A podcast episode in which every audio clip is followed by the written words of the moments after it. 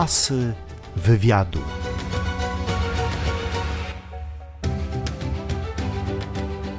Niezwykły głos, który znają chyba wszystkie pokolenia Polaków. A piosenki Maleńki Znak, Walc Ambara, Powrócisz tu, czy Tych lat nie odda nikt, od lat nieodmiennie zachwycają. Zapraszam do wysłuchania mojej rozmowy z niezwykłą artystką Ireną Santor. Pani Ireno, taki głos jak pani, dlaczego takie talenty i takie głosy zdarzają się tak rzadko? No, bardzo dziękuję. Pani to powiedziała, nie ja. Nie wiem, czy rzadko. Wcale nie. Teraz wszyscy śpiewają, proszę pani, i to ochoczo. E, O pani porozmawiajmy. Urodziła się pani w Papowie Biskupim, tak? Ale tam tylko spędziła pani rok. Potem był Solec Kujawski. Czy była pani taką dziewczynką od początku śpiewającą na rodzinnych uroczystościach, na akademii, w szkole, gdzie się dało pani występowała? Jak dzieciństwo wyglądało? Tak się zastanawiałam, ale no prawdę powiedziawszy to tak, pani ma rację. Odkąd, jak ja mówię, odkąd siebie nie pamiętam, to zawsze śpiewałam. Już tak rzeczywiście od dziecka. To jest moja taka przywara, moja przywara. Jak wspomina pani dom rodzinny, to jakie kolory, jakie smaki, jakie zapachy pani pamięta? Mój dom był bardzo prosty. Moja rodzina była dość biedna. A jakie kolory? Może takie, że często chodziliśmy w tym Solcu Kujawskim na spacery. Solec Kujawski to bardzo ładne miasto. Niewielkie, ale bardzo piękne. Okolone lasami, Wisła płynie prawie, że przez środek Solca. Łąki piękne. No i głównie, proszę pani, tam właśnie biegaliśmy, chodziliśmy. Ja się nawet raz w Solcu zgubiłam. Udało mi się, bo wyszłam samodzielnie sobie do miasta, no i się zgubiłam. Cały solec mnie szukał. To jest ładne. Tata mnie znalazł. A czemu gimnazjum zdobienia szkła? Czemu wybrała pani taką szkołę? To znaczy, ja nie wybierałam tej szkoły. Ta szkoła sobie mnie wybrała, dlatego że los mnie rzucił do Polanicy Zdroju.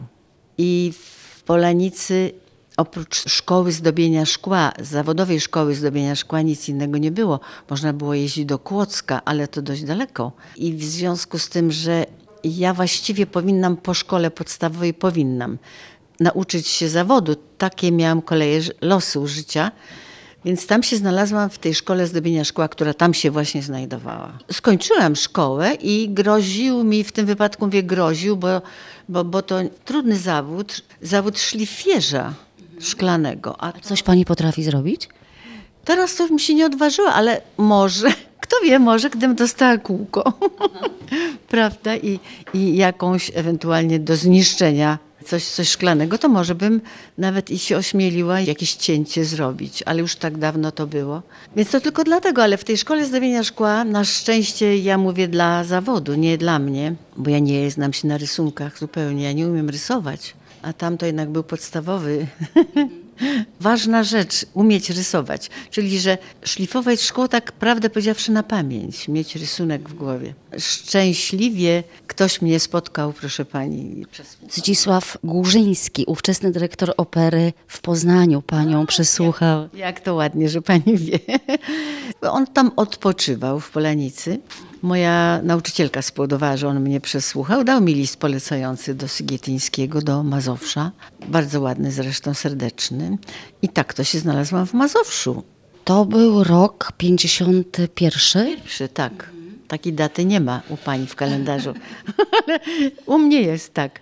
I czy to Mazowsze, bo rozumiem, że pani była solistką w Mazowszu, czy to była pani bajka, czy czuła się pani tam dobrze? Nadzwyczajnie to była moja wielka bajka. To było właściwie spełnienie jakichś marzeń, których nie miałam na ten temat. Ja nie zamierzałam śpiewać w życiu zawodowo. Nie, nie. Ale to tak się stało mimochodem. Ale to było spełnienie moich ukrytych, skrytych, największych marzeń. Tak. Tam poznaje pani swojego męża. Tak. Tam właśnie poznaję swojego męża, wychodzę za mąż. Stanisława Santora, skrzypka, koncertmistrza. To takie uderzenie pioruna było? W orkiestrze Polskiego Radia. Właściwie w jego wypadku tak, to było uderzenie pioruna, bo to bardzo przystojny mężczyzna. bardzo przystojny. Asy wywiadu. Pani Irono, kto panią wtedy uczył rzemiosła estradowego? Komu pani zawdzięcza te pierwsze szlify na scenie? rzemiosła artystycznego, estradowego, pani powiedziała, nie uczył mnie nikt, bo ja śpiewałam tylko muzykę ludową. To jest y, inny rodzaj występu niż ten przysłowiowy estradowy występ piosenkarski. Więc y, piosenkę ludową oczywiście to była, to była sprawa Sygietyńskiego i Miry Zimińskiej i choreografów, którzy budowali program, repertuar tego zespołu. Ale kiedy odeszłam z Mazowsza, to tak szczerze mówiąc estradowo byłam zielona bardzo.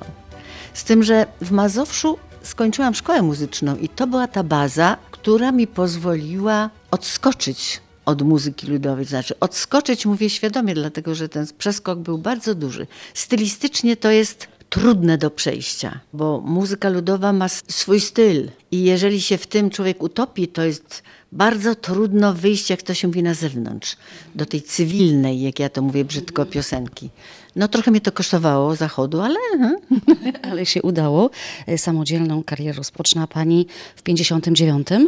Tak, w 59 roku. Przez taki zbieg okoliczności Zgaduj z Gadula miała wtedy swoją 50.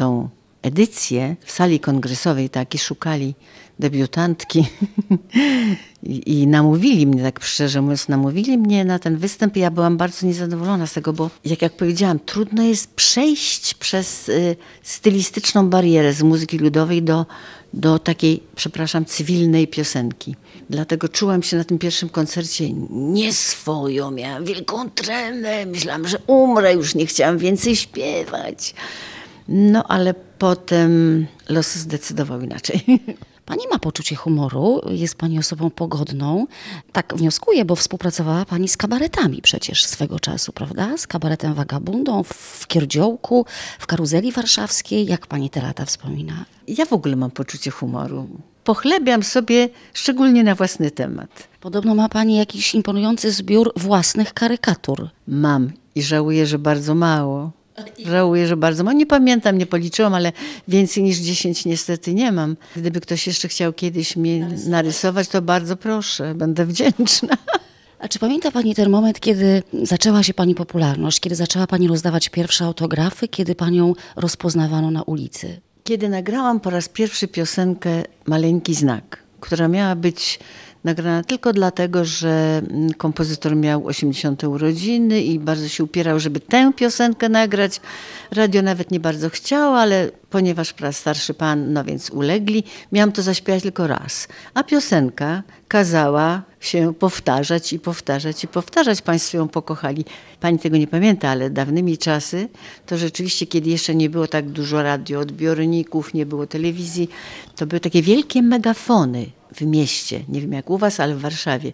Gdziekolwiek mi się nie znalazła wszędzie, gdzie na mapie świata, maleńki, tak, to było coś nieprawdopodobnego. Wszyscy kochali tę piosenkę. Publiczność chciała, żeby ta piosenka zaistniała, więc y, pan Szpilman w tym wypadku nie był prorokiem we własnym kraju. Zetknęła się Pani z Panem Szpilmanem? Zetknęłam się z nim i bardzo sobie cenię ten kontakt. On był dyrektorem muzyki rozrywkowej w polskim radiu.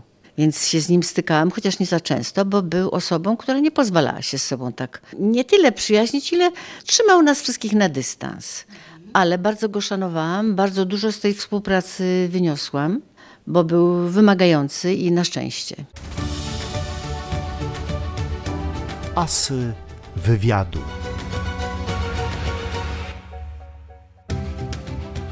W latach 65-66 współpracuje Pani z Teatrem Syrena i z Teatrem Ateneum. Występuje w Pani w wielu znakomitych spektaklach, m.in. Kram z piosenkami, Zróbmy coś, a w 65 roku uznano Panią za najpopularniejszą piosenkarkę Polonii amerykańskiej. Jak to się stało? Właśnie z Wagabundą po raz pierwszy wyjechałam do Stanów Zjednoczonych, do Polonii. No i tak to się tam stało, że publiczności się widocznie podobało, skoro dostałam taki zaszczytny tytuł. Występowała Pani na wielu festiwalach, no właśnie na całym świecie, w, w Europie, w obydwu Amerykach, w Australii. Jak Pani tam nawiązywała kontakt z publicznością? Bo rozumiem, że to nie była tylko polskojęzyczna publiczność. Nie, no właśnie nie. Festiwale to jest osobny rozdział. Ja niespecjalnie lubię występować na festiwalach, dlatego że szczególnie w tym wypadku, o którym Pani mówi, i to Rio de Janeiro, i tam ta Japonia, to były międzynarodowe festiwale, gdzie trzeba się było jakoś w jakimś sensie ścigać. I ja się wtedy po raz pierwszy zetknęłam z pojęciem komercja.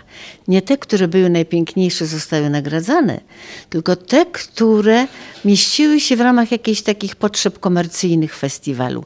To mi otworzyło też oczy na wiele rzeczy, bo u nas w Polsce ważne było wtedy, bardzo ważne, żeby piosenka była piękna literacko, piękna muzycznie i najlepiej jeszcze pięknie wykonana, z dobrą aranżacją muzyczną. A tam to wszystko było jednak podporządkowane temu, co dzisiaj u nas też jest i jest nagminne, tak. To dlaczego nie wystąpiła Pani na pierwszym festiwalu polskiej piosenki w Opolu, a miała Pani wystąpić? Z tym się wiąże właśnie, proszę Pani, jakaś taka sprawa, której ja do końca nie rozumiem. Podobno, mówię podobno. Ja miałam wtedy umowę, kontrakt podpisany z y, Estradą Poznańską. I ten pierwszy festiwal opolski, on się tak jakoś tworzył z dnia na dzień. I raptem ktoś do mnie zadzwonił, że ja mam wystąpić na festiwalu piosenki w Opolu. Ja mówię, ale ja jestem w Poznaniu, mnie i nikt nie wypuści stamtąd, bo ja jestem w grupie, grupa mnie też nie wypuści, to jest kontrakt. No i na tym stanęło, że nie. A potem ja się dowiaduję, że ja jakaś byłam niesforna, że chciano po mnie przysłać samolot. Matko boska, gdybym ja wtedy wiedziała, to ja bym wszystkie kontrakty zerwała. Taka plotka była, ale to wszystko jest nieprawda. Wystąpiła Pani za to na drugim festiwalu. Ja w 66 roku wystąpiłam na festiwalu. Daty nie moja specjalność. Pamiętam, bo wtedy śpiewałam Powrócisz tu. To była piosenka, która pozwoliła mi pokazać siebie trochę inną. Ja śpiewałam piosenki liryczne, takie łagodne, takie szerokie frazy. A on po pierwsze powiedział, że krótką frazą, poza tym, że dynamicznie, mocno. Ja trochę siebie odkryłam też przy, przy tej okazji. Też odkryła Pani siebie przy okazji duetów z młodszymi partnerami, jak Piotr Kukis czy Mezo? Pan Kukis, który jest ostrym rockmanem, powiedział, że pani, jak ja mam okazję pokazać, że mam kawałek głosu, to ja się nie będę wygłupiał. I wobec tego zaśpiewał ze mną tak samo właściwie w mojej konwencji. Miło, że pokazał swój głos, ale w tym sensie czułam się zawiedziona. A Mezo, Mezo nie. Mezo pracował ze mną przy okazji jakiegoś y, występu i zrobił bardzo piękną rzecz. W walcu Aumbara, tam gdzie jest w orkiestrze takie wielkie tutti, on mówił ten swój rap na tym, na tym tle. I to, to był bardzo ciekawy efekt. W 1991 roku zdecydowała się Pani wycofać z czynnego życia artystycznego. Na szczęście nie dotrzymała Pani słowa i wystąpiła Pani w Sopocie w 2002 roku. O zawodzie mogę to powiedzieć. Z tego zawodu się nie wychodzi. To gdzieś siedzi w nas, jest jakaś potrzeba, nie wiadomo jaka, no może to trochę megalomańska potrzeba, ale pod namową kolegów, którzy po pięciu latach mojej nieobecności na estradzie namawiali, a, a słuchaj, a może, a jeden koncercik, a tylko tutaj, tylko... I tak to jest. Więc y, rzeczywiście wróciłam i ten występ w Sopocie wspominam z rozrzewnieniem, bo ja się go bardzo bałam. Asy wywiadu. Jakie to uczucie e, trzymać we władzy tę publiczność? Bo tak naprawdę to artyści mają władzę nad publicznością. Hmm? Skoro pani to tak nazwała, ja nie mam takich ambicji, żeby publiczność trzymać na uwięzi. Ja się chcę publiczności po prostu podobać. Ja po to pracuję na scenie, żeby publiczność wyniosła z kontaktu ze mną jakąś radość, nic więcej. Za co najbardziej e, kochają Panią Polacy? Za które piosenki? To na pewno jest Ambara, to na pewno Powrócisz tu. Za piosenkę Tych lat nie odda nikt, za piosenkę Już nie ma dzikich plaż. Czy to jest tak, że publiczność domaga się tych piosenek na koncercie, bo jednak kojarzy się Pani z nimi nieodmiennie i no, nie ma tych piosenek bez Ireny Santor, prawda? No i nie ma moich koncertów bez tych piosenek. Rzeczywiście wiem, że publiczność się tego domaga i to jest y, cała radość, że Państwo to pamiętają i że chcą jeszcze raz tego posłuchać w czasie koncertu. To jest miłe bardzo, to jest miłe, ale kręci mnie ten świat. to tytuł, który Wojtek Młynarski wymyślił, bardzo ładny zresztą, taki trochę prowokacyjny, młodzieżowy, ale no trudno, w tym wypadku trzeba się trochę odmłodzić. Więc y, z tej płyty też śpiewam piosenki i o dziwo Pukamy. pukamy, tak, że Państwo przyjmują je y, z zainteresowaniem. A przecież, y, o ile wiem, to piosenki w ogóle nie chodzą w radiu ani w telewizji, więc są tak praktycznie nieznane, a Państwo przyjmują je serdecznie, więc dziękuję z tego serca. Czy scena, publiczność, estrada to jest po tylu latach jeszcze cały czas dla Pani przyjemność? Mm, przyjemność i tremal to jest to, co ja nazywam właśnie takim, takim uzależnieniem narkotykowym. Jeżeli się koncert uda, to wielka przyjemność, a jak się mniej uda, to wtedy mam o czym myśleć w długie wieczory. Trudno mi uwierzyć w Pani nieudane koncerty. Och, proszę pani, jeżeli nawet państwo coś przeoczą, z czego się cieszę w takim wypadku, to ja sama wiem, co było nie tak. Ja mam tu takiego krasnoludka na, na, na ramieniu, on mi wszystko mówi. Pani Ireno, ja naliczyłam, że Pani dostała chyba około 40 nagród i odznaczeń. Jest taka w internecie olbrzymia, długa lista. Naprawdę? Naprawdę, około 40. Te nagrody trzyma Pani u siebie w domu? Proszę pani, to jest tak niezręcznie sformułowane pytanie dla mnie, bo chciałam powiedzieć, że nie mam półki, na której to wszystko stoi, albo gdzie ściany, na której to wszystko wisi. Nie. Natomiast ja z całym szacunkiem się odnoszę do, te, do tych wszystkich y, dowodów, dowodów, dowodów sympatii. Ale proszę mnie źle nie zrozumieć. Nie, nie, pa, nie patrzę na to codziennie i nie wspominam. Natomiast bardzo mnie interesuje, co będzie jutro. Ciągle jeszcze. Czy z wiekiem łatwiej się marzy, czy już się nie marzy? Oj, marzy się, proszę pani. Marzy się, bardzo się marzy. Te marzenia już są przefiltrowane przez właśnie przez doświadczenie, przez ilość lat, które się przeżyło, przez te wszystkie zdarzenia, które ma się już gdzieś za sobą. Więc one nie są już takie buńczuczne jak marzenia młode, ale y, mam marzenia, oczywiście. Starzy ludzie też marzą i to marzą. A na co się czeka? Czekam ciągle jeszcze na to, żeby mnie przyjaźnie nie zawodziły. To dla mnie wielka wartość, bo miłości na ogół zawodzą. To tak w życiu jest. Ale przyjaźnie powinny zostać, bo to jest opoka, to jest opoka. I każda ewentualnie zawiedziona przyjaźń to byłaby rozpacz, bo ja się karmię tym, co mi ludzie dają.